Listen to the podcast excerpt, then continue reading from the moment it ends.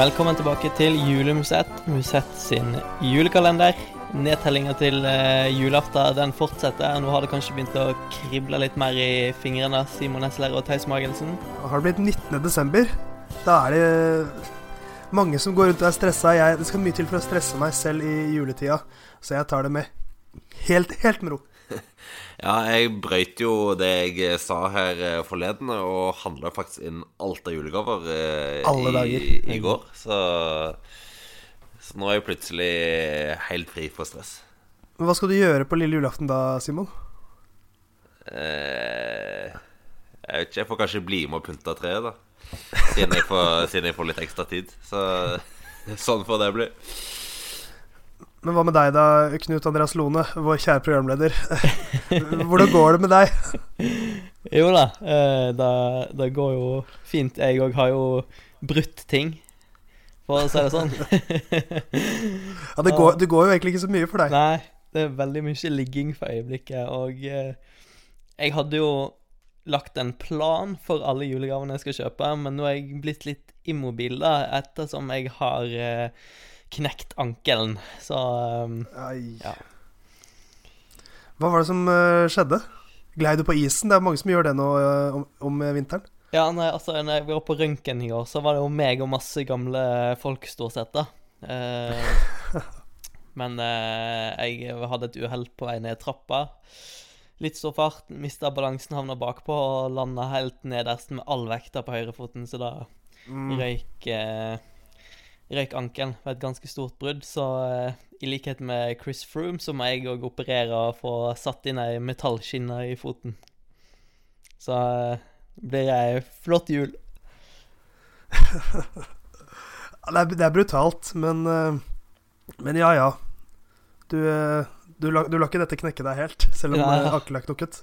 Det som er litt gøy, er jo at jeg har knekt eh, venstrefoten en gang tidligere òg. Eh, Ja, beinet det er gøy. På, ja, ja, bare vent på beinet på venstresida, som går liksom hele, hele veien opp omtrent. Eh, på sjølve foten. Eh, og det var på ungdomsskolen, og det var òg i ei trapp. Så Fra nå av, Knut, så må du bare bo i én etasje. ja. Tror jeg. Absolutt. Nei, men nå har det vært mye prat om brudd. Skal vi prate litt om uh, brudd relatert til sykkel? Kanskje vi kommer innom det i dagens luke? Høres ut som en god plan.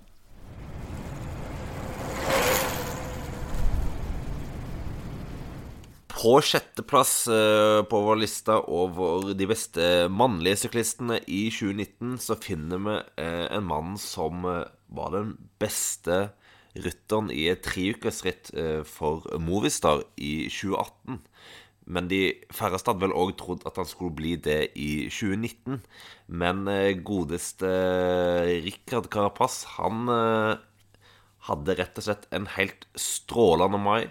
Eh, var i toppslag fra start til slutt i Giro d'Italia, og når eh, Primoz Roglic og Vincenzo Nibali brukte mer tid på å se på hverandre enn å se på lille Carapaz, så viste Carapaz seg som den aller beste, og eh, gikk rett og slett hen og vant hele Giro d'Italia.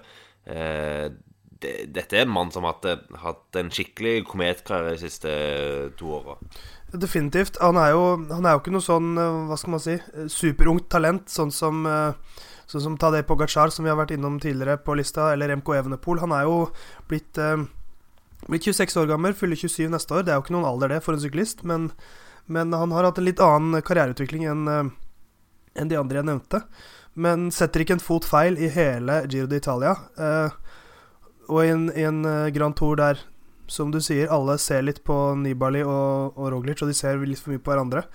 Så kanskje virket det litt først som om han bare stjal seieren litt, men siste uka så viser han jo også at han svarer på alle angrep, og han gjør jo ingen feil.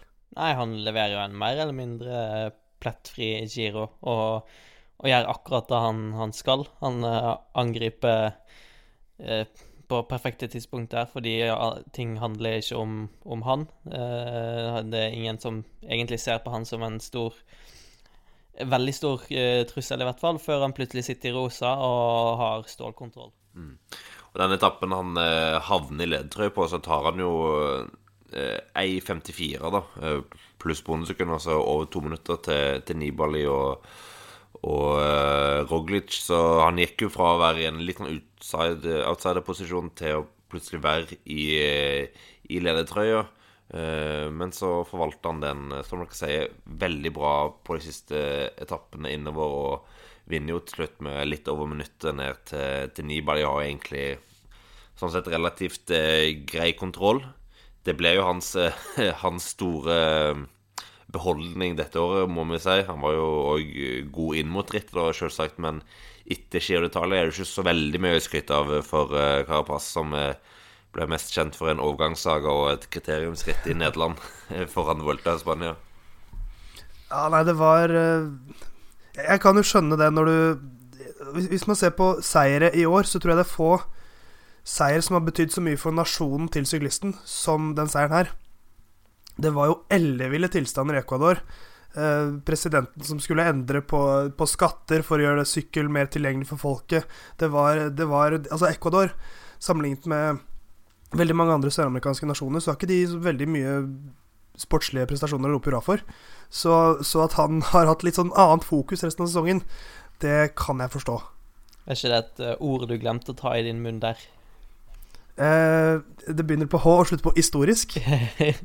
Riktig.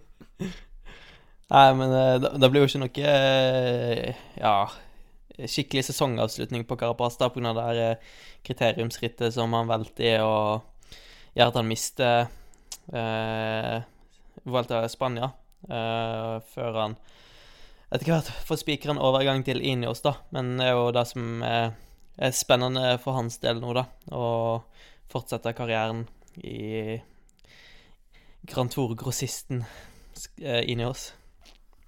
Ja, for det er sporespørsmålet hans, hvordan han passer inn i kabalen der.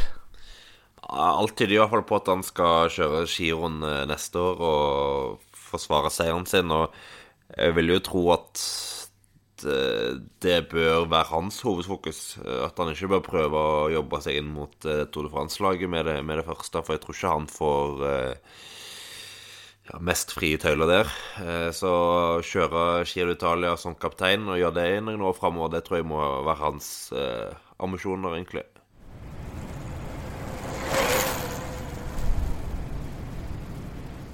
Vi nærmer oss for alvor jul, og det nærmer oss òg for alvor avslutningen i vår konkurranse, som løper til og med 21.12 der du kan dele din topp tre-liste av de beste kvinne- og herrerytterne i 2019. Og så er du med i trekning av ei biorenset Tempest sykkeltrøye til verdi av 1600 kroner.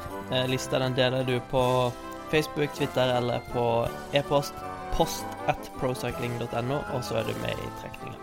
Så vi er tilbake med en ny luke i morgen.